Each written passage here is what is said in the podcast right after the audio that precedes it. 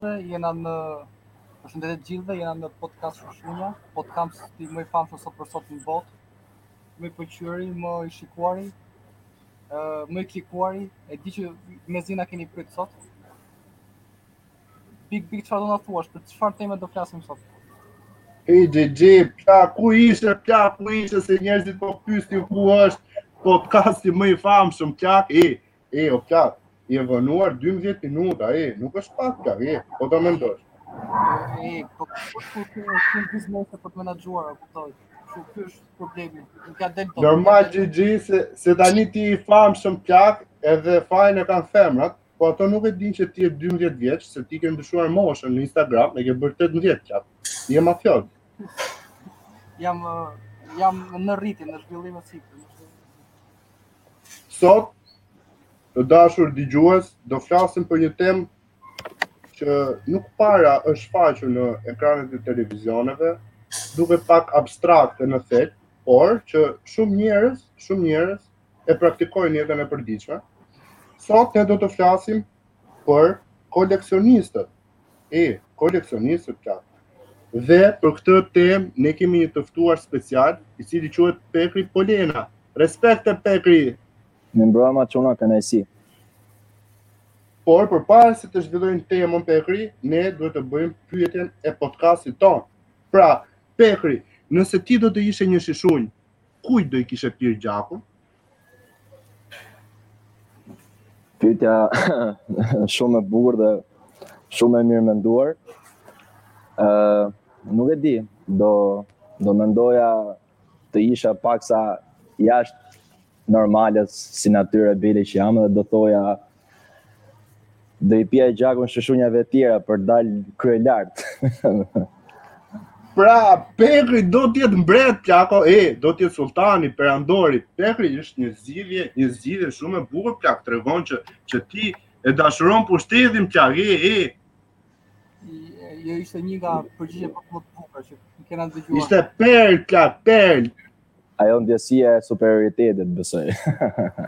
Për pos që gaz. është spektak... Shiko, Pekri, njerëzit, njerëzit ditët e sotme e dashurojnë shumë pushtetin, por, por, por, po ta vëmë re, në jetën e përditshme, këto njerëz plako mundohen të hiqen si altruista, sikur ndajnë çdo gjë me të tjerët, ndërkohë që në realitet nuk e bëjnë. nuk e bëjnë dhe përgjigja jote ishte shumë, shumë e sinqertë dhe ne e vlerësojmë. Apo jo, JJ? Uh, pa diskutim fare, pa diskutim përgjigje e sinqertë, ashtu siç jena ne, jena, domethonë, siç e kena thonë, emisioni i popullit, emisioni i rrugës, ku ne flasim pa doreza fare, për çdo gjo, për çdo temë, kshu më pëlqeu shumë përgjigja. Pekri, si lindi dëshira për t'u shndërruar në një koleksionist? Uh, pasioni për koleksionin daton që në moshën 10-12 vjeçare, mendoj. Uh, ka qenë ajo dëshira në radhë të parë, kur kemi qenë ne fëmijë të vegjël, që merreshim jo me letra, me kartona të animuar, edhe këto gjëra. Paksa dhe televizioni, ku shikonim objekte të rralla, tejet të veçanta, që rrjedhimisht në syrin e një fëmije të lë një, një impakt shumë, shumë surprizus dhe të lind një dëshirë e brëndshme që të lë të mendosh që pse jo mund të merrem edhe unë me një pasion të tillë. Uh, pastaj që fillova që merrem me koleksionimin e kartëmonedhave, domethënë që të jem edhe i qartë për dëgjuesit tanë. Unë jam një koleksionist kartëmonedhash, një numizmat, dega që studion kartëmonedhat dhe monedhat. Dhe e ushtroj këtë pasion që në vitin 2012 domethënë përafërsisht 7 vjet po. Është një Pasion ose një një dëshirë do thoja më shumë për të koleksionuar, për të mbledhur kartëmonedha nga e gjithë bota, shteteve të ndryshme. Në këtë mënyrë dhe njihemi dhe mësojmë më tej rreth kulturave, rreth historive, dhe shumë ndodhive të një shteti respektiv. Dhe kjo më është vërtet, është është shumë e vërtetë kjo Pepi sepse çdo çdo kartëmonedhë fsheh një histori, sepse normalisht këto kartëmonedhat janë variojnë nga nga viti në vit. Dhe çdo kartëmonedhë, si ta themi ne, flet për një për një qytetërim të civilizuar, apo jo? Ja? Pa diskutim, pa diskutim. Këtë po përpiqem edhe të pak më përpara. se çdo shtet me kalimin e viteve, mesatarisht 7 deri në 10 vjet emeton dhe nxjerr në treg kartëmonedha të reja. Më përpara u bënte dhe për arsye sepse historia tregon që disa shtete, kryesisht afrikane, Oqeania, Amerika Qendrore dhe ajo Latine, kanë qenë shtete kolonizatore dhe me kalimin e viteve pasi ato kanë përfituar dhe kanë përvetësuar independencën ose pavarësinë, rrjedhimisht ka ndodhur edhe ndryshimi i valutës, por që do të diskutojmë edhe më tej. Është shumë e vërtetë kjo dhe normalisht do të diskutojmë edhe më tej, por uh, unë kam një pyetje, sepse të të koleksionosh do të thotë të gërmosh dhe të rrëmbesh atë çka sot mendohet se është e humbur. Ju Pepi a jeni lodhur për të mbledhur monedhat tuaja gjatë viteve, sepse pekri ju keni keni 8 vjet, ë? Po. 8 vjet që merreni me me me gjetjen e monedhave të ndryshme. Jeni lodhur pak, jeni lodhur 8 vjet janë shumë, ë? Njerëzit sot martohen edhe ndahen, rrinë 1, 2, 3 vjet pastaj lodhen pak. Ti ke 8 vjet që nuk rresht së kërkuari monedha, është është do të jetë madhe. Është shumë e vështirë. Është më se e vërtetë. Është më se e vërtetë. Ë uh, koleksionimi përpos dëshirës kuptohet uh, kërkon dhe investim në të holla, kërkon uh, përkushtim, devotshmëri, kohë, mund, janë shumta gjëra që përfshihen në këtë pasion. Ë uh, do thoja që edhe ajo Periudha tetëvjeçare është një periudhë me të vërtetë e bukur sepse nga viti në vit kuptohet albumi dhe koleksioni pasurohet gjithmonë më shumë, mëson gjithmonë më shumë edhe për shtetet për cilat ke kartëmonedha, me, ju thashë edhe më përpare, me kalimin e viteve, çdo shtet emetojnë kartëmonedha të reja, edhe ato gjithmonë të rrisin edhe më tej kureshten dhe dëshirën për t'i patur në koleksion. Por që me pak, me pak fjalë Pekri do s'do bëhesh historian, ë? Një historian. Sepse do s'do ti do gërmosh dhe do mësosh. Është si puna e atij burgaxhiut që kur bie në burg do s'do i studion ligjet, nenet dhe mundohet që dalë. Edhe ti pak a shumë mundohesh që të studiosh historinë. E bën halli kur i thonë. Ja, jo thjesht më bëu shumë kurioz i gjë, domethënë, sepse shumica e degëve që kam dëgjuar kanë qenë ky ishte dega më më e veçantë që kam dëgjuar, të them të drejtën, nuk para kisha dëgjuar, domethënë. ë uh, të vazhdosh për degën që the se Po patjetër. Po numizmatika, numizmatika. Numizmatika po ishte nga më të veçantë, domethënë, nuk nuk e kisha dëgjuar. Janë Janë dy degët që studiojnë, domethënë dy degët më të përhapura të koleksionimit sot për sot në, në botë, janë numizmatika që me, është dega sikurse ju thashë më përpara, dega që merret me studimin e kartëmonedhave dhe monedhave, është edhe filatelia që fatkeqësisht, domethënë për ne numizmatët, filatelia është më e populluar dhe më e përhapur. Filatelia për gjithë ata që nuk e dinë, është po është dega që studion pullat postare. Dhe ka një ka dhe ka një përhapje më të gjerë, do thoja, në koleksionistë anembanë botës. Po, po, Interesante. Po, po, kuriozitet, për shembull, më bëre shumë kurioz, cila është domethënë kartëmonedha e një shteti që duket më më e vështirë për t'u gjetur që ke në koleksionin tënd? Ë po them jo më larg se para dy javësh, ë arrita të shtoj në koleksionin tim një kartëmonedhë të shtetit të Belizes. Belizeja është një shtet që gjendet në Amerikën Qendrore. Ka qenë shtet kolonizator më përpara dhe me kalimin e viteve ka arritur të ndryshojë llojin e prerjes ose kartmonedhës. Dhe jo më pak se para pak ditësh sikurse ju thashë, arrita të blej online kartmonedhën e Belizes, 50 dollarshin e Belizes, e cili nuk kushtoi as më shumë as më pak një shifër rreth 80 eurove. Domethënë, e konsideroj... 80 euro? 80 euro, po. Po goxha investim plak, sidomos, po të mendosh që jemi në një kohë krizë, Covid-i, plak, Covid-i. I marrim parasysh të gjitha, po pasioni përpos gjithçkaje është ajo që të, tërheq dhe ajo që të shtyn gjithmonë më shumë. është e vërtetë, dhe le të mbetemi te ky pasioni dhe Kam një pyetje. Po patjetër. Në momentin në momentin që ndodhesh me me me këto vështirësi për të gjetur një kartëmonedhë që është gati e pamundur të gjendet, pra ke ke goxha kohë që e kërkon, por por vjen një moment, vjen një moment dhe ke përballë atë kartëmonedhë. E ke përballë dhe ai personi që e ka nuk ta jep më plak. Nuk e shet. Si arrin t'ia mbushësh mendjen? Ka patur dhe situata të kësaj natyre kur një shitës ka dashur të nxjerrë në shitje një X prerje ose një kartëmonedhë, edhe ka qenë aq i dhënë dhe aq i përkushtuar ndaj saj saqë edhe kur i ofronin oferta, se kryesisht qëllojnë që bien edhe nëpër ankande. Dhe kur i jepen oferta, sado çmimi varion gjithmonë në rritje, ai personi gjithmonë më tej sikur duket i stepur edhe largohet në sensin nuk është plotësisht dakord dhe ë të jetë, si të thuash, pro asaj shitjes asaj kartmonedhës sepse sikurse ju thashë, mund të jetë jo vetëm diçka që e lidh në aspektin historik por mund të jetë edhe krijon edhe një emocion ose një ndjenjë shpirtërore aq të lidhur me të saqë të të privon atë dëshirën për ta për ta dhënë dikujt tjetër ose stepet. Por që gjithmonë kundrejt një oferte, besoj se çdo gjë ka një çmim. Pra dhe me këtë parim ecin shumica e shitësve dhe koleksionistëve sot për sot. Në momentin që i vjen një ofertë tunduese kuptohet, Pra gjëja më e çmendur pekri që keni bërë për të pasur një kartëmonedhë, cila ka qenë? Ë, uh, në fakt, në fakt kam qenë një herë në një udhëtim jashtë shtetit. Dhe në momentin kur jam kur kam qenë në doganë drejt kthimit për për në Shqipëri, kam zbritur nga vetura, nga automjeti. Jam menduar paksa, do të thotë duke duke menduar edhe jam rikthyer sërisht për ta marrë atë kartmonedhë, sepse ishte një dyqan suvenirësh jashtë.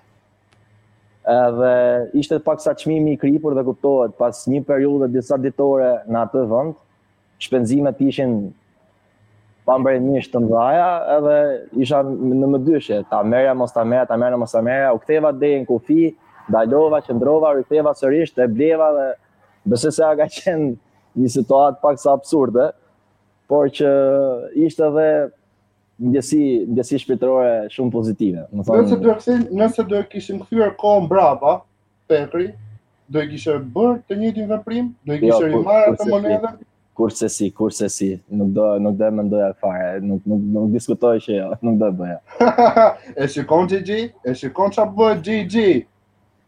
Të janë ato, të janë ato pendesat e jetës.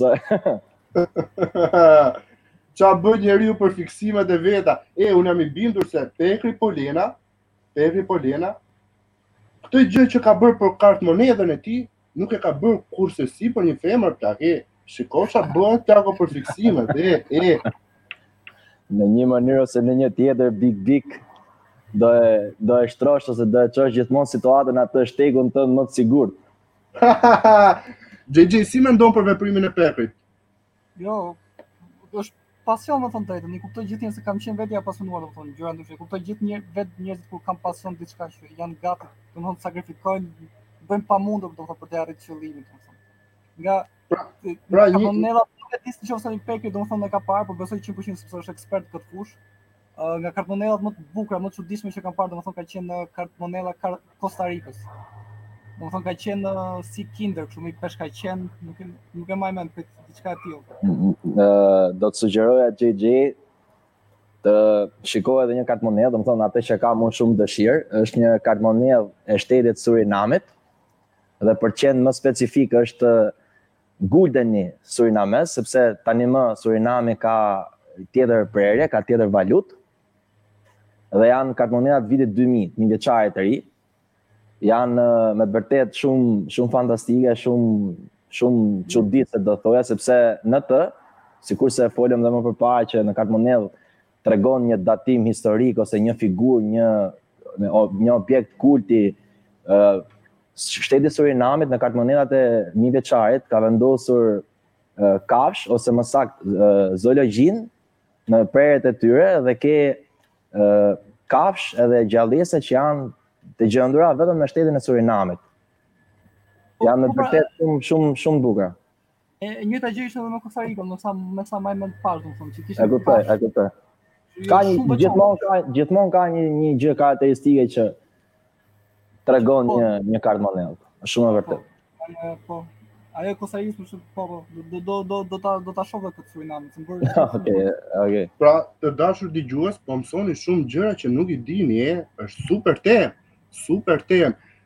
Pekri, që të jemi në brendësi të temës, uh, sot, duke qenë se janë rrjetet sociale, shoqëria pak a shumë është shumë interaktive nëpër këto rrjetet sociale dhe do s'do krijon grupe, për shembull siç janë grupet e, e shkrimtarve, piktorve, siç janë gru, grupet e super pjeshkave, se ka dhe super pjeshkave që bëhen shoqe bashkë,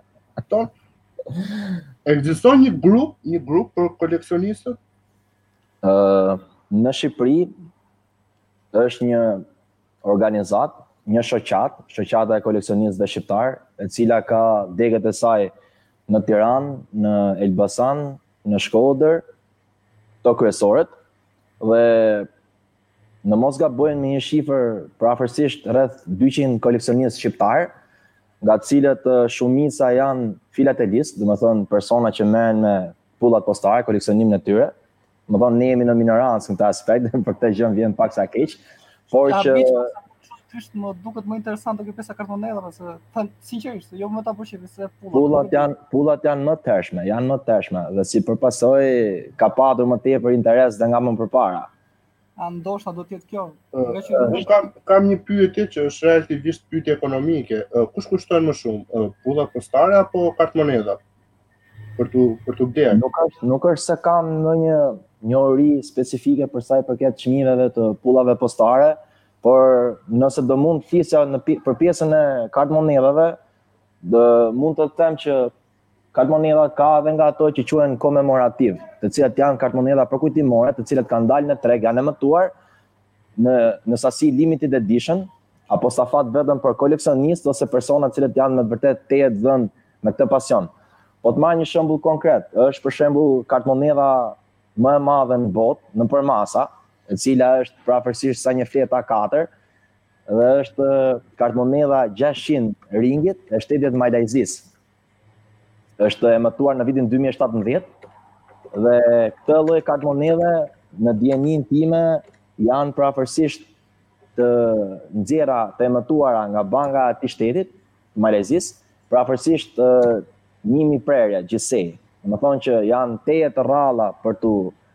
për t'u koleksionuar, për të rënë në, në albumin dhe në koleksionin e një koleksionisti, por që kuptohet, dëshira nuk mund ta mundi dot mundësinë në këtë aspekt. Pastaj, përsa i përket vlerave, duke marrë parasysh dhe çmimet, jo, jo çmimet reale, por do thoja vlerat e tyre aktuale, nuk është se janë, janë fort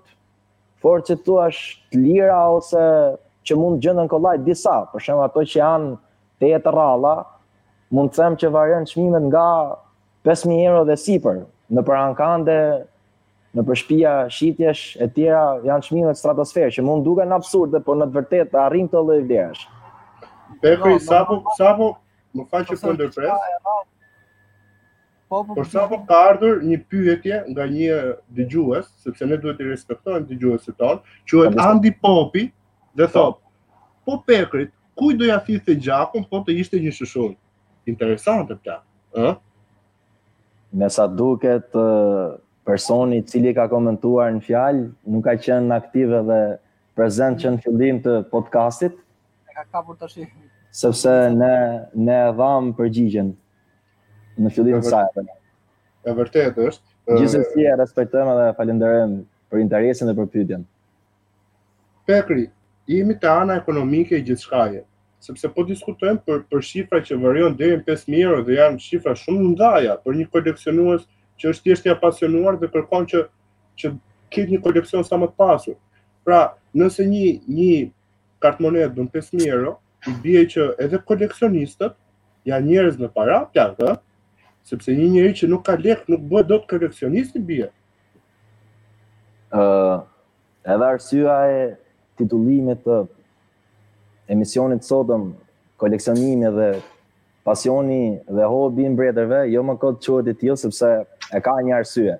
Domethënë, janë persona nga kohët më të hershme, si sikurse kanë qenë sovranë, kanë qenë mbretër, kanë qenë nuk e di, persona shumë të spikatur, domethënë, edhe sot e kësaj dite, po të diskutojmë për këtë gjë, uh, mbretëresha Elizabeth e dytë, sovrane për të cilën thuhet se është zotëruese e koleksionit më të kushtueshëm të pullave postare, e kupton? Shumicën e tyre e ka trashëguar nga paraardhësit, domethënë nga prindërit e gjyshërit. Kështu që asaj si të thuash, ta kthejmë pak në në aspektin komik, asaj si të thuash ia kanë lënë. Ndërsa ne në në pamundësi për ta patur diçka të tillë, ne do përpiqemi do do t'i vihemi, kuptohet. Është sikur nuk mund të konkurrosh dot atë, sikur të konkurrosh Ferrarin me Fiatin, domethënë sado sa ah. të mundohesh. Është. Po do përpiqemi do përpiqemi që Fiatin gjithmonë ta bëjmë tetë si Ferrari, këto janë mundësitë. Ajo. Është shumë Është shumë e vështirë, por që të mbetemi te kjo pjesa e mbretërve dhe të njerëzve të pushtetshëm që e kanë këtë dëshirën e madhe për të qenë koleksionistë. Thuhet gjithmonë se mbretërit e së shkuarës koleksiononin gjëra të ndryshme për të kënaqur egot e tyre. Nuk mendon se mbretërit e së tashmes koleksionojnë vetëm mbathje dhe femra për të kënaqur egot e tyre, sepse kohët kanë evoluar plaka, sot 2000 ku në vitin që jemi plako 2020 dhe ne ke parasysh sikur po ndryshon kjo mundësia për të koleksionuar, njerëzit nuk i kanë më qejf këto gjëra plak, syri po shkon më shumë tek interneti, a? Si, uh, si mendon, si mendon duke qenë si i fushës? Mund të flas si koleksionist i kategorizuar te pjesa e kartëmonedhave, sa për aktualitetin dhe personat që, për, që lartpërmende, fare thjesht koleksionimi është një lloj zhanri i përgjithshëm në vetvete, domethënë që mund të ndjekësh ose mbledhësh gjëra të cilat e kanë njëfarë uh, kënaqësi ose të japin njëfarë kënaqësie ndaj personit që i mbledh. Edhe për personat në fjalë, nëse do ishte diçka që i fal kënaqësi dhe dëshirë, pse jo, janë të lutur ta bëjnë. I respektojmë atë lloj zhanri.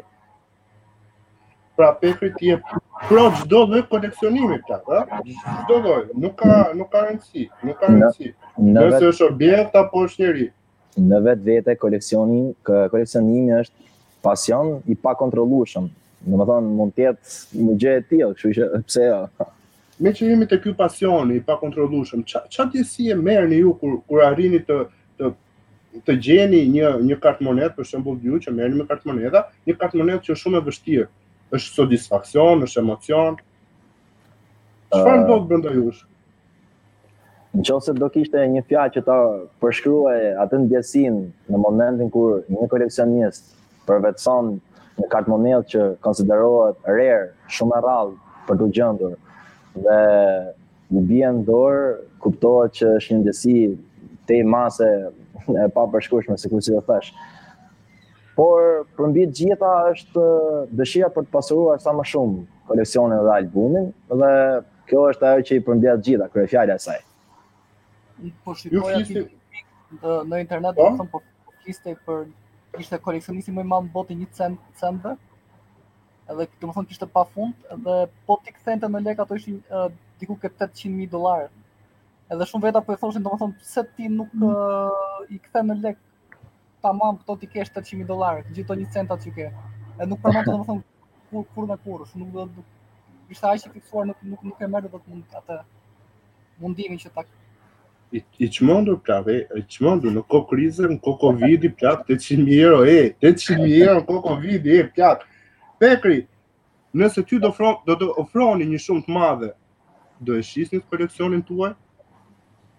Uh, momentalisht jam gjithmonë në kërkim të pasurimit të koleksionit dhe albumeve që disponoj.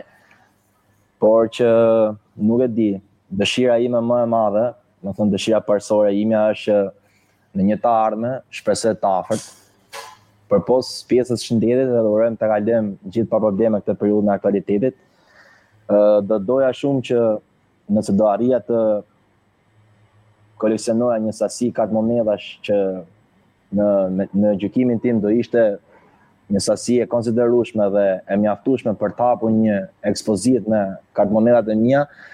Ky është synimi im parësor.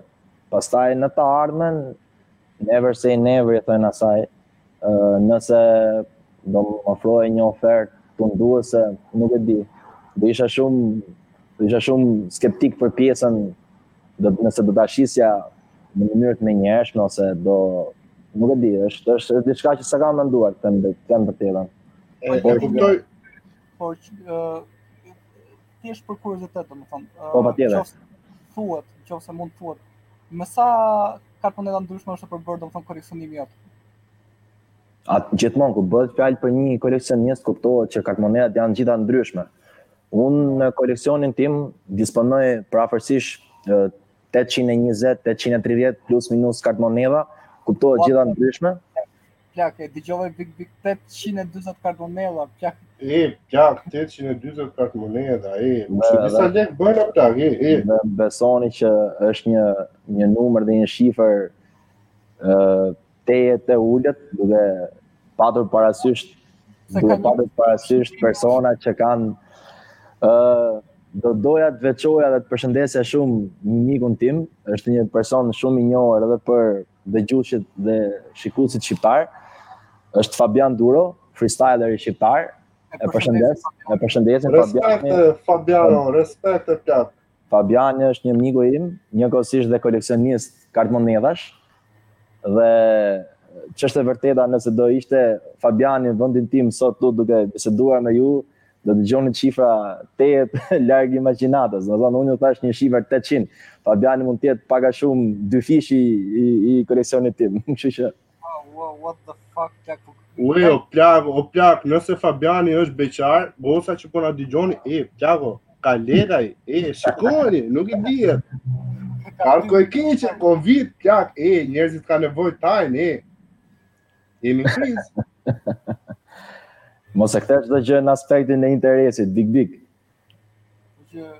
Fatkeqësisht, fatkeqësisht, jeta kështu po shndërrohet sot, pekri, Dhe unë e vlerësoj shumë të nismën tënde dhe pasionin e madh që ke për kartmonedhat dhe shpresoj që mos i mos i shesësh kurrë plak, ë?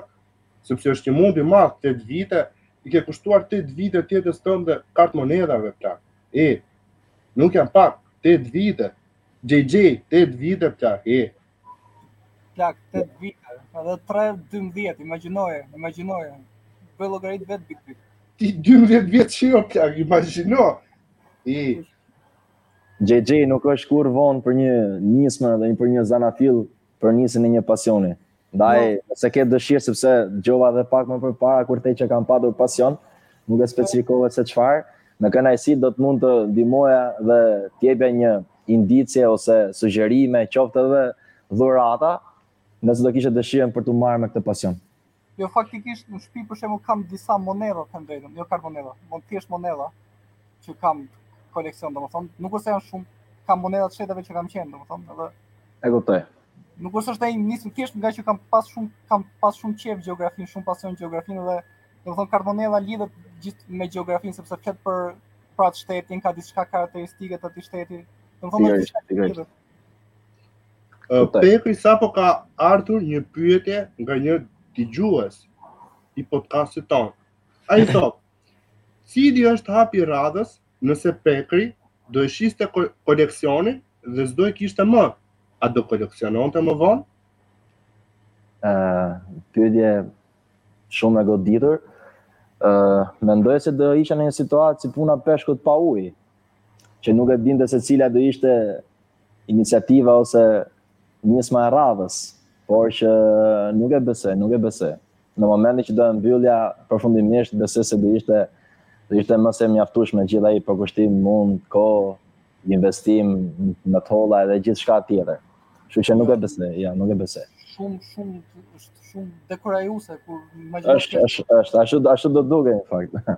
800 kartëmonedha dhe mos t'i kesh më është nuk e di, është çmenduri komplet, çmenduri komplet. Po po shikoja këto, domethënë për meqë është tema koleksionist. Ë po shikoja domethënë 20 koleksionistët më të çmendur në botë. Edhe pashë që kishin disa koleksione shumë të çmendura komplet. Ishte njëri domethënë që koleksiononte kukulla seksi. Kishte rreth 260 kukulla seksi, manekine, nuk, nuk e di për çfarë i mbante. Thjesht i kishte shumë pasion. Pastaj ishte dikush tjetër që për këdo që po ha, domethënë, e di që do jetë pak problem por po do ta themi. Kishte koleksiononte thonjtë e vet. Që po. pse po, po, është e vërtetë, është e vërtetë. Që kur kishte filluar t'i priste ti mund të kishte diku te nja 50 çipa apo domethënë dhe aty thashë me vete si si person që merrem me koleksionim fal Dik Dik nëse mund të ndërpres. Si person që merrem me koleksionim kam dëgjuar edhe për raste, domethënë koleksionet më më çud më çuditshme në botë dhe në mos gaboj është Domethënë rasti që më ka bërë shumë përshtypje, për keq kuptohet, është rasti i një konteshe ruse, e cila ka grumbulluar oturakët e njerëzve më të pasur dhe më të famshëm në botë. Kjo ishte komplet komplet e çuditshme. Shumë e çmendur, shumë e çmendur.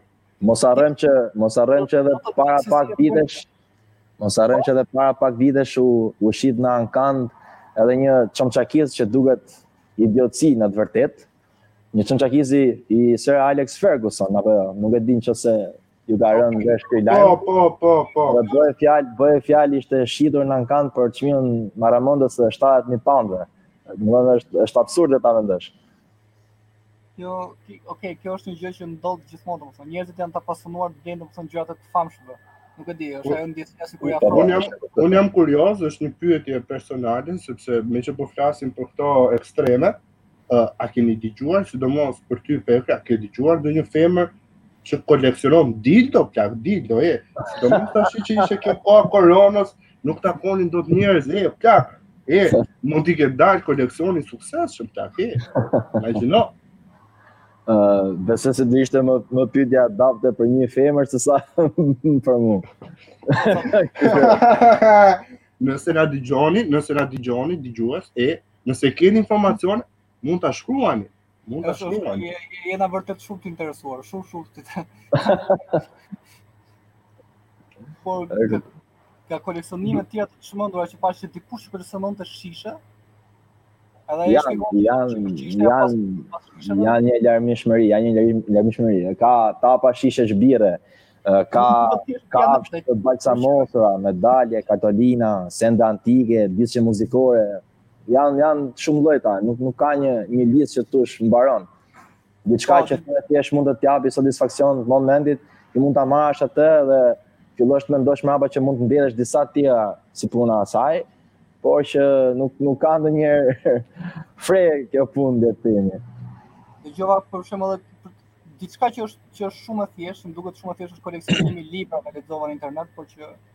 Po, po, ka, po, shumë shumë e vërtetë, është shumë e vërtetë, është shumë e vërtetë. Bukinistë quhen ato persona. Ë, uh, bukinistët janë persona të cilët koleksionojnë libra të vjetër kryesisht. Ka edhe këtu në Shqipëri ka një disa persona që koleksionojnë libra të vjetër. Është edhe ai është pasion shumë i vështirë për t'u hasur në ditën e sotme, për arsye sepse librat e, e vjetër edhe që janë konsiderohen të rrallë, kanë çmime marramendëse që në një mënyrë ose një tjetër ti nuk mund t'i t'i hasësh, t'i gjesh online jo, në mënyrë kisha kisha te Pekri, kisha thjesht në sensin që më duket pak si libra kanë të gjithë, e kuptoj. Librari nuk është në ok, tash e kuptova ndryshimin, është thjesht që koleksionon libra shumë të rrallë, shumë të vjetër, prandaj libra të vjetër. Po, po, po, kjo është kjo është arsyeja. Pekri sapo ka ardhur një pyetje tjetër. nga okay. një komentues, i cili thotë, never say never i bie dhe mund të shesësh, pra e ka, e ka te përgjigja që i dhe komentuesit të mëparshëm. Apo jo, kështu që i bie që më duket do bëhet ekspert i pullave postare, postareve, ose çimçakizave, thotë. Po, letrave të çimçakizave edhe është një një koleksion, një zhanër tjetër koleksioni. Por që nuk e besoj, nuk e besoj. Të jetë arsye, mund të jenë nga më ndryshme, po vazhdoj të qëndroj dhe kategorizohem te pjesa e kartmonedave, nuk është se duhet përgjithësohem ose tavën, si të është. Pekri, ju, ju ne, ne folëm Pekri për, për shumat e kartmonedave, në sa variojnë ato, por ju nuk na thatë sa keni shpenzuar nga xhepi juaj për të, për të patur ato që keni plak. Ë uh, ngaqë jam në blerje të vazhdueshme, edhe pse periudha e Covidit, si të thuash, do mund të na penalizonte ose na ndërpriste sado pak aktivitetin për blerjen e kartëmonedhave nga jashtë ose online. Ë uh, nuk mund të jap dot një shifër konkrete, por do thoja mbase mbase diku te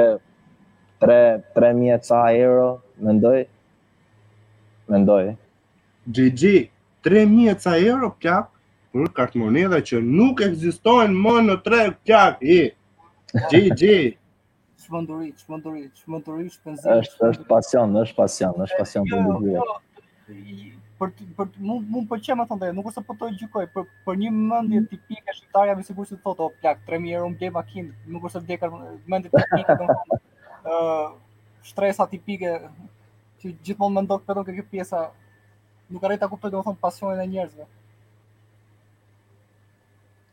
Pekri? Po. Sapo ka ardhur një pyetje dhe mendoj se të intereson sepse ka ardhur nga një dëgjues me një emër World Banknote Collector. Dhe thotë, cilat shtete i mungojnë Pekrit? Uh, e falenderoj shumë personin për pyetjen. Uh, shtetet i kam pasuruar dhe i kam plotësuar të gjitha. Ideja është tani duhet të plotësojmë setet prerjet, emetimet e atij viti sepse ju thashë është shumë e thjeshtë për t'i hasur dhe për t'i gjetur në radhë të parë nga një kartëmonedhë për secilin shtet, por që është e vështirë më pas për ta pasuruar dhe për ta plotësuar atë set të X viti, Y viti sepse me kalimin e viteve, mesatarisht nga 7 deri në 10 vjet, çdo shtet nxjerr dhe emeton kartëmonedha të reja, gjithmonë duke patur parasysh rritjen dhe progresin e në elementet e sigurisë, në llojin e letrës, në watermarkut, në janë janë disa faktorë pse bëhet kjo gjë, por gjithmonë kuptohet ë vitet e fundit ndodh për arsyen e rritjeve të elementëve të sigurisë. Gigi, si mendon Gigi në këtë rast? Si mendon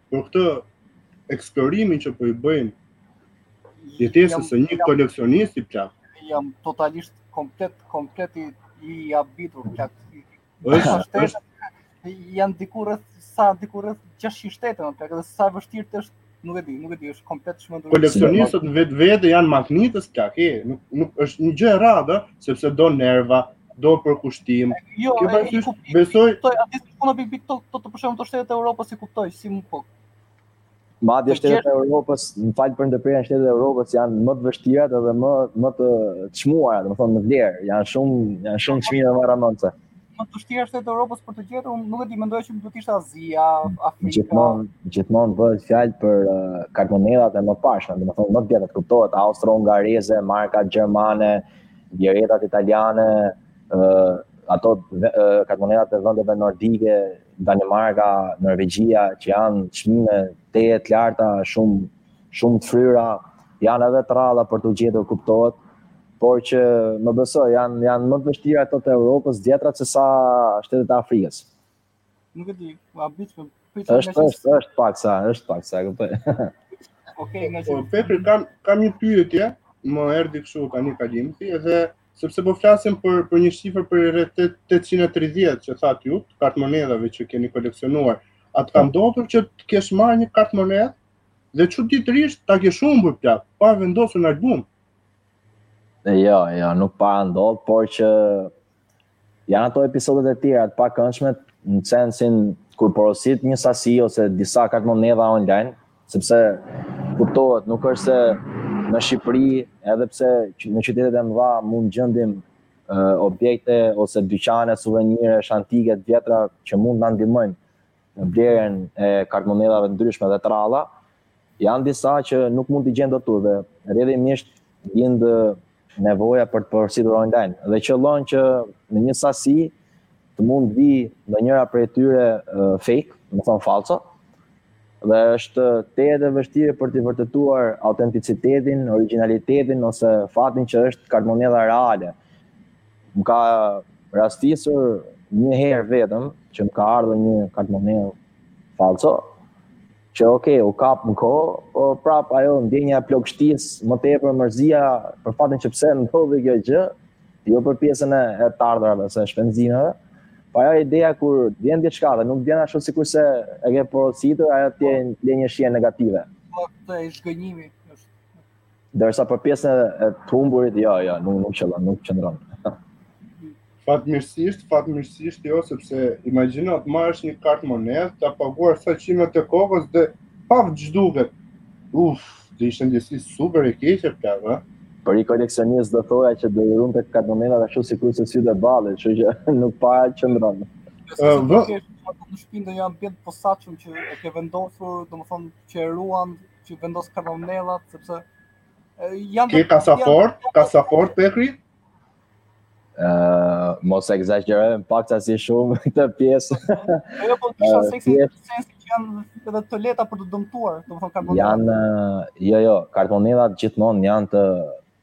të vendosura nëpër albumet, në albumet të cilat edhe ato kanë fletë të posaçme që quhen sheet, sheet sleeve, dhe janë fletë format A4 me 3 fole, me 3 xhepa në të cilët mund të vendosësh kartmonedha qoftë para, qoftë nga pas fletës. Dhe albumin pastaj kuptohet i vendosim nëpër dosje që janë posaçërisht për për albume kartmonedhash Dhe aty besoj se janë janë janë shumë të mbajtura, nuk nuk i gjen gjë. Të konservuara mirë, po nuk nuk po po pa diskutim. Se imagjinoj domethënë një vend të koleksionistëve, për shembull, pashë një që koleksiononte kështu për qypa porcelani të vegjël, nuk e di. Imagjinoj për shembull kohën kur ra tërmeti domethënë ai tipi që po të ishte në Shqipëri do ishte tromaksur, domethënë se jam i sigurt që do rrëzoheshin komplet ato qypat e porcelanit. Na i me siguri, me siguri do ishte do rrinte te qypat aty duke i majtë me duar që mos mos rrëzohen. domethënë kjo pjesa konservimit të këtyre gjërave që koleksionon do të gjesh një vend të mirë sepse domethënë ke gjithë ato vite që i përkushtohesh dhe vjen tërmeti ose dëmtohen, domethënë. Jo, jo, jo, nuk, nuk është, nuk është aspak problem kjo. Gjithmonë kuptohet me aq sa kemi mundësi nëpër uh, dollape, nëpër sirtare, po që po, po. i mban, i mban në atë mënyrë. Po, ajo është pjesa po. Big Big Pekri po po me me koleksionistë të tjerë ndihmoni njëri tjetrin dhe kam një pyetje nëse sepse më përpara na përmende që uh, koleks këto pak a shumë si shoqata ose si grupime ndodhen në disa qytete të Shqipërisë. Po me Kosovën plak, Si keni marrëdhënie? Ëh, uh, Njoh mjaftueshëm edhe koleksionistë nga Kosova, i përshëndes dhe ato. Kemi një bashkëpunim, do thoja, unë vetë personalisht kam një bashkëpunim shumë të frytshëm dhe shumë të suksesshëm, pasi në Kosovë, në Prizren konkretisht, gjendet edhe tregu i kartmonedhave më i madh në Ballkan. Dhe çfarëdolloj arsye ose besoj në një farë mënyre nëse do mund të shkoja në Kosovë, një arsye do ishte edhe për për të bashkëpunuar, për të shitur, për të blerë, për të ndruar, kuptohet, mes këtyre grupimeve, mes nesh, qëndrojnë këto gjëra dhe i kemi relatat shumë të mira.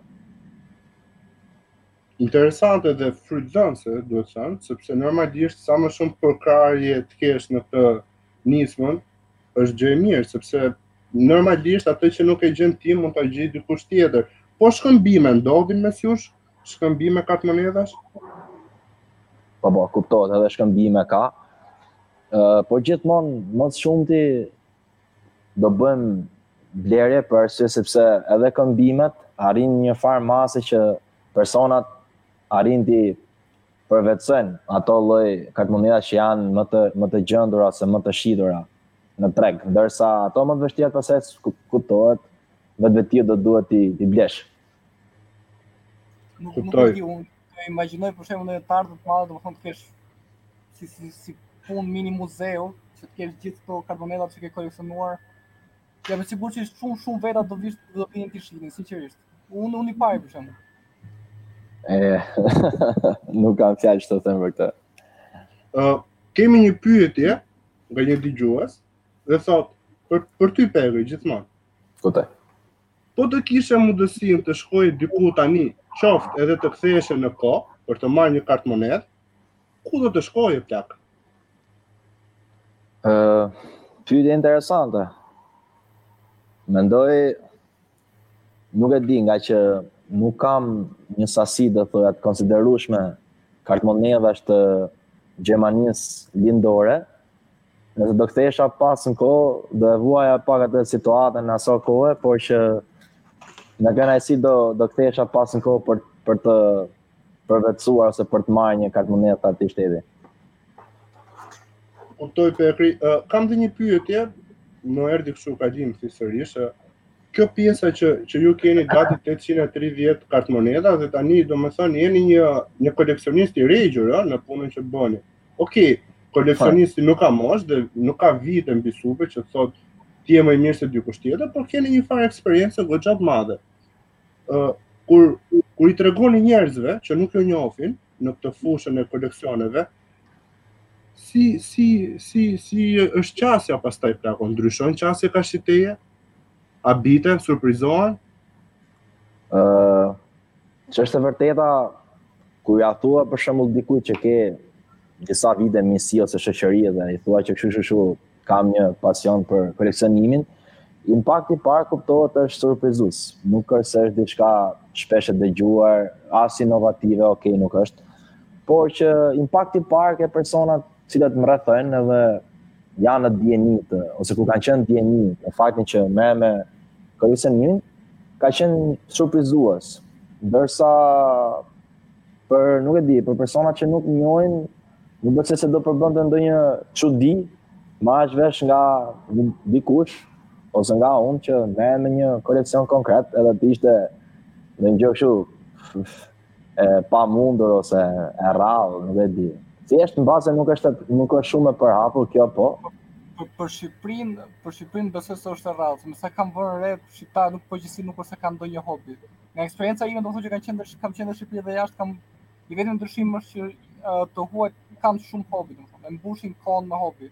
Ndoshta shqiptarët nga pamundësia, nuk e di, por kam vënë re që nuk është se kanë shumë hobi, kështu që shumë unë mendoj që të ketë sa më shumë njerëz që kanë pasione të ndryshme si puna jote për shembull Bekri ose pasione të tjera. Kuptohet, është mund të jetë edhe pjesa, mund të jetë edhe pjesa e popullatës, domethënë, sa jemi ne si shtet, sa mund të kenë qenë ato vende të cilat ti ke vizituar, por që në shifra në raport me popullatën, besoj se po, është një, një numër tejet i ulët i personave që merren me një koleksion konkret. Mhm. Po që shpresojmë të jemi sadopak uh, sensibilizues ose ndikues në pjesën e dëgjuesve, që kush ka dëshirë ose Është i prirur në të ardhmen të merret me diçka të kësaj natyre, është i lutur të më kontaktojë, të flasim ose fare thjesht të bëhet pjesë e shoqatës së koleksionistëve shqiptarë, është i mirëpritur. Ju që dëgjoni, dëgjoni mirë Pekrin, sepse Pekri mund t'ju ndihmojë. Pekri, sapo erdhi një pyetje tjetër nga Dani Collector. Ai thotë, pyete Pekrin nëse ka ndonjë kartmonedhë nga Palestina, Edhe një herë të lutem, nga Palestina? Nga Palestina. Po, Palestina. Pekri, do të bëjë biznes plak, nuk e di ti, shiko plak, jemi te Covidi, duhen lekë plak, lekë, lekë. Në mos gaboj që mos flas me siguri, nuk nuk nuk po më kujtohen për momentin sepse bëhet fjalë për Po që në qoftë se them me siguri për pjesën që i kam gjitha shtetet, i kam. Kështu që komentuesit nuk e di si t'ia jap përgjigje pozitive dhe nuk e di. Pra Pekri ka kartëmonedhë nga Palestina. është paksa dhe pyetje, është edhe pak a pyetje si me spec, do thoja, sepse Është edhe orari i vonë, paksa të lodhur, edhe të më japësh për shembull të një shteti X që është ose jo në koleksionin tënd. Ky ky lloj shteti ose kjo lloj kartëmonedhe është paksa edhe e vështirë për të dhënë përgjigjen konkrete, por që me shumë mundësi besoj se po.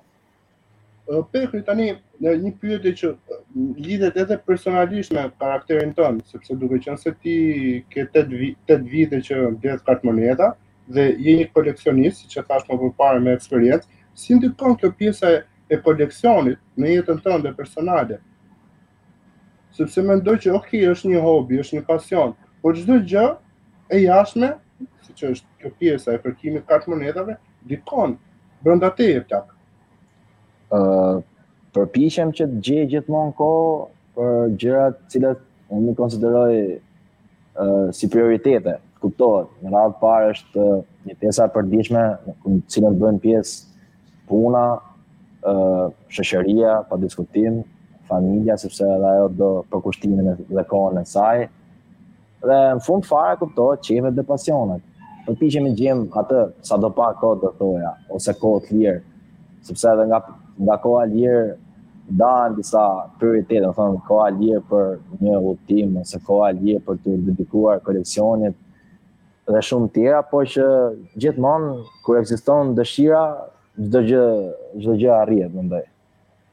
Jo, shumë e vërtetë, po besoj që në një në një periudhë, sepse tani Ju keni 8 vite dhe normalisht që keni atë eksperiencë dhe nuk ju bën më shumë përshtypje një kartëmonedhë, por mendoj që kur keni qenë dhe më i ri dhe sidomos në këtë fushën e koleksioneve, keni pasur një një zjarr më të madh brenda vetes për për të arritur të rrëmbenit atë kartëmonedhë.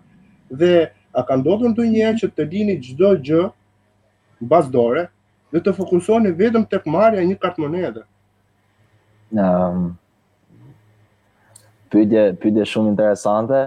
Ë uh, në fakt, në fakt një herë kam dashur të shtoja në koleksionin tim një kartëmonedhë, mos gaboj ka qenë kartëmonedha ë uh, austro-hungareze, ka qenë një prej Austro-Hungarisë dhe e doja me çdo kusht që ta kisha në koleksionin tim. Atë kartëmonedhë Nuk nuk kisha mundësi ta ta gjendja në asnjë dyqan ose dyqan antikash ose suveniresh.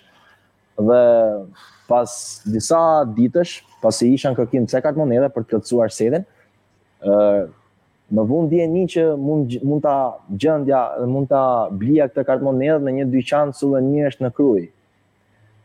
Mirëpo, pamundësia për të shkuar në Krujë, sepse përkoi një, në një situatë të jetës që isha me vërtetë shumë shumë i zënë me, me pjesën e punës dhe shumë i dhënë pas saj dhe me çdo kusht doja dhe patjetër të shkoja për ta, për ta blerë dhe qëlloi që Pas pak kohësh që shkova unë atje, domethënë pasi më adresuan edhe më bënë me dije ku gjendej dyqani në Krujë.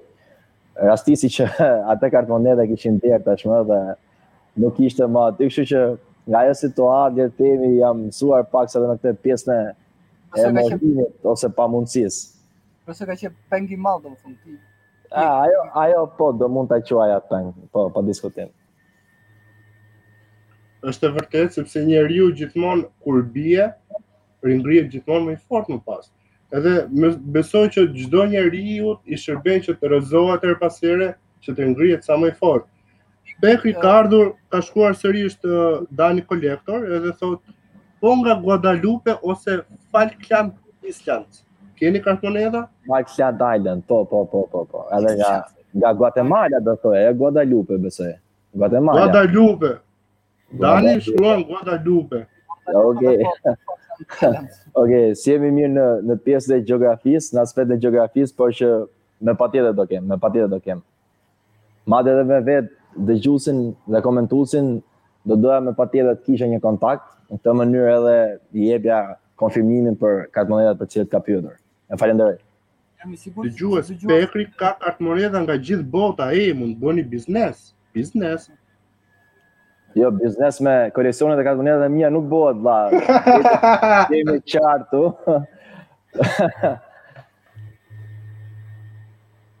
Po Xhixhi, çfarë po thoje Xhixhi? Jo, ngaqë tha Pekri nuk jena mirë me gjeografinë, nuk jena mirë as me anglishten, big big, oh, big big.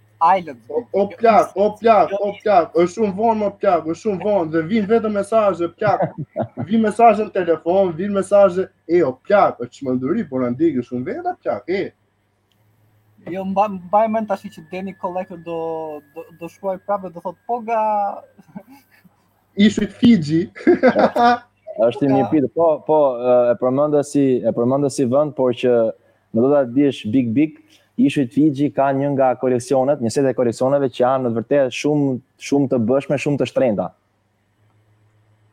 Pra, ti Pekri je në të vërtetë një super koleksionist o plak. E, nuk është shaka kjo, nuk është shaka. Ëh, falenderoj për fjalët shumë, po gjithmonë do do përpiqem të mbaj atë modestinë, do thoja jam thjesht një koleksionist si gjithë të tjerët, besoj. Po gjithsesi rrofsh për fjalët. 140 kartmonedha plak janë shumë, nuk je si gjithë të tjerët. E, Pekri, një, ku mund të të gjej Dani Collector, meqenëse ka shumë të interesuar, Instagram?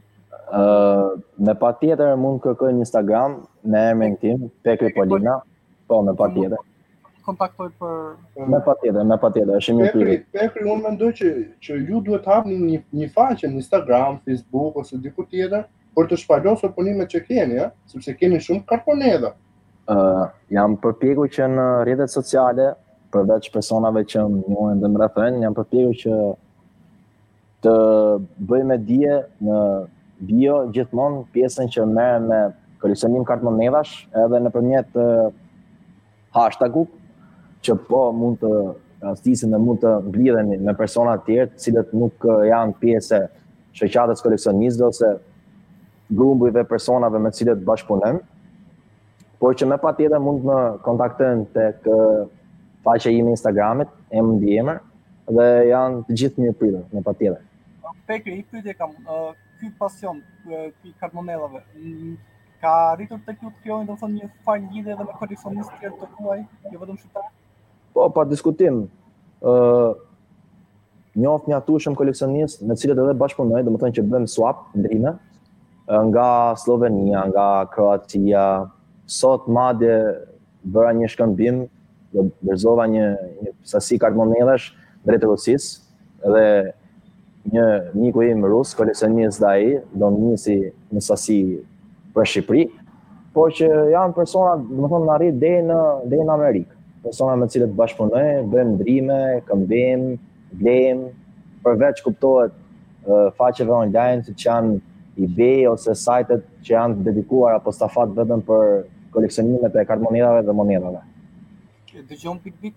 Kjo është një është është sukses plak, është sukses edhe unë them që ju goca që na dëgjoni e fiksoni këtë emër, Pekri Polena, Pekri Polena e është global tani, global Rusi Amerikë e Pekri Polena goca e është kokë kiçe, Covid, Covid, shikojeni. Big Big unë shoh që ti do të më do të më çosh ose finalizosh drejt një drejt një rrugëtimi shumë Të errët për mua dhe jo aq të iluminuar sa për ty, por që më mirë le mënjanë këtë pjesë. Sot sot sot sot t'i përkushtohemi pasionit për kartëmonedha.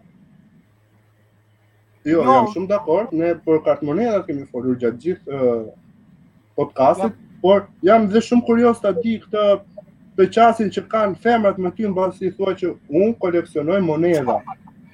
Se femrat përgjithësi, përgjithësi femrat, kanë qejf të shpenzojnë lekun plak. Kurse ti e konservon, a kupton? Në masë me sa duket nuk jam modeli adapt që femrat kërkojnë, kështu që... Më besoni, gjithë femrat që po shikoni, po Tipi Pekri mbas disa kohësh ka për t'u bërë bilioner, se do ketë një kartëmonedhë aq të rrallë sa që do paguajnë njerëz pa fund për ta blerë. Po, shpresoj edhe të lumtë goja. Falenderoj. Pekri Polena do bëhet së shpejti global, e global, e, e ju goca që dëgjoni, fiksoni emrin Pekri Polena. Jo, sinqerisht, nuk është ndonjë habi e madhe, domethënë që mbas diku te 20 vjetësh ti mund të kesh një kartëmonedhë shumë shumë shumë të rrallë. Gjithmonë, gjithmonë në kërkim të gjërave edhe më më të vështira dhe më të rralla jeni kuptohet. Dhe për çdokush nga nga koleksionistët me të cilët bashkëbisedoj dhe flas në jetën e përditshme, ky është synimi i tyre. Sapo na ka ardhur një koment nga një djalë i quajtur Vigert Baze dhe thotë Pa koment, Pekja është gjigant plak. Big up për Vigert Bazen. Big up. Pekja je gjigant plak. E falenderoj komentuesin për fjalët. Respekt gjithashtu. Respekt e Vige, Vige shkurt, besoj Vige shkurt. Bravo, Big, uh, bravo, Biles. Jep dhe i like, jep, jep dhe i like. Nuk ju heq gjë, i like, like, i like. Like. like, subscribe, e, super like. emision me Pekri. Pekri do vi prap, e, Pekri do vi prap. Nuk besoj se ke vetëm këtë, këtë pasion, Pekri, a? Emisionin e shkuar, uh, nuk e di a e dëgjuat, por uh, ne, unë me, me Xhixhin, u munduam të flisim disi për, për tifozët dhe, dhe ekipet e tyre të zemrës, dhe futbollin në përgjithësi, Uh mhm. -huh. Edhe besoj që një pjesë e mirë e shoqërisë tonë është sportdashëse dhe menduam dhe gjetëm një temë që edhe ata mund të gjejnë veten pak a shumë besoj. Edhe besoj që do bëjmë tema sërish të tilla dhe shpresoj jo. që të kesh hobi të tjera plak që mund të të ftojmë sërish. Përveç pjesës së koleksionit. Na ka dhënë nga informacion më të saktë, më të detajuar nuk e di, për aspektin e koleksionistëve. Me patjetër me kënaqësi më të madhe, do isha pjesë e emisionit tuaj, kurdo dhe nëse do bëhej fjalë për tema të cilat kam njohuri dhe dituri, me kënaqësi, diskutoj me ju. Pekri, ndonjë gjë të fundit për të thënë për emisionin, për podcastin, çfarë do t'i thuash dëgjuesve që po të dëgjojnë dhe po të shohin këto momente, ndonjë gjë që me pyetjet tona nuk arritëm të të bënim bënim ty të shpreheshe, të ka ngelur diçka? Në radhë të parë ju uroj suksese çuna. Shkofshi lart dhe më lart. Rrofsh, rrofsh, je, je i madh. Shumë faleminderit, Pekri. Uh, uroj që Big Bigu të arrijë ta kanalizojë me ato pyetjet e tij pikante dhe me spec në, epi, në puntatat dhe episodet e tjera, personat e tjerë që të jenë ftuar. U tregove shumë stoik Pekri Polena sot. Vajzat prisnin diçka më ndryshe plak. E, e, ja, ke shumë fanse, ke shumë fanse plak. Nuk duhet t'i zhgënjesh fanset. Jam pak sa arkaik në këtë pjesë, jam pak sa tradicional, kështu që Big up GG, big up për Pekri Polenën. Është i vërtetë plak. E, thotë vetëm të vërteta. është i madh, është i madh, është është. Rrofshi çuna na bëfere. Do të vijë herë tjera, do të vijë herë tjera. Pekri, ne të urojmë sa më shumë suksese në rrugëtimin tënd dhe shpresojmë që të kesh edhe benefite pra të ardhura në vazhdim dhe të bëhesh së shpejti global plak sepse ke ikur në Rusi, ke ikur në Amerikë, ku i dihet plak, ku i dihet, ku i dihet të ardhmes. Ne të falenderojmë shumë që erdhe sot dhe ishe këtu me ne në podcastin Shushunja. Ju falenderoj Informacion shumë të saktë. Shpresoj që të shtohet në Shqipëri koleksionistët si puna jote, sepse është vërtet një pasion shumë shumë i bukur. Ju falenderoj Dërsa... shumë që më bëtë pjesë të emisionit tuaj. Kalova vërtet shumë shumë mirë, shumë komod. Dhe ishte diskutim shumë frytëdhënës dhe shumë interesant. Kënaqësia, kënaqësia ishte jona Pekri dhe ju dëgjues që po na dëgjoni. Kemi si gjithmonë në fund Një pyetje, nëse do të ishit një shushunjë, kujt do i pinit gjakun? Nga unë Big Big, JJ dhe Pekri, mirupafshim! Nato.